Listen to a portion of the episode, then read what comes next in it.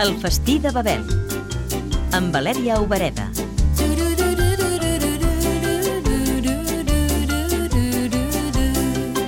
Hablar de comida australiana es hablar de las raíces que se han ido mezclando y perdiendo un poco eh, o, o bien ganando más influències. Ariana Potravki va néixer a Sydney, la ciutat més gran d'Austràlia, i fa sis anys que és a Catalunya. La primera cocina es la de los aborígenes, la de los nativos. Todo lo que se puede encontrar en el outback australiano pueden ser serpientes, lagartos, canguro y también determinados frutos secos que se pueden encontrar en el territorio. Todo cocinado a la brasa.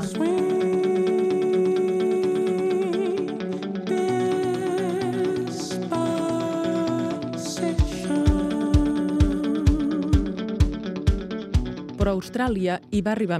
Partiendo de las primeras eh, cosas que también trajeron los colonos a finales del siglo XVIII, los colonos empezaron también a criar el ganado de ovejas y cabe aquí recordar que Australia es uno de los mayores productores de lana.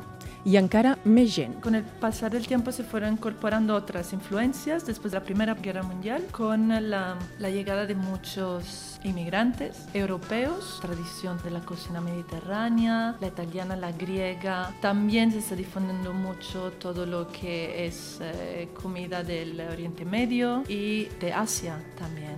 Entonces ya es, es muy variada.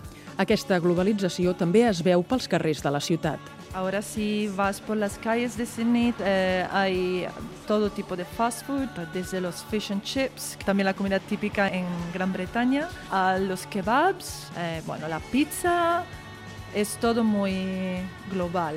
Però vosaltres, a Austràlia, també teniu productes propis. La carne, el vino, sobre todo, y la exportación también de, de frutas eh, como la, la Granny Smith, la manzana, que es mundial, es de Australia.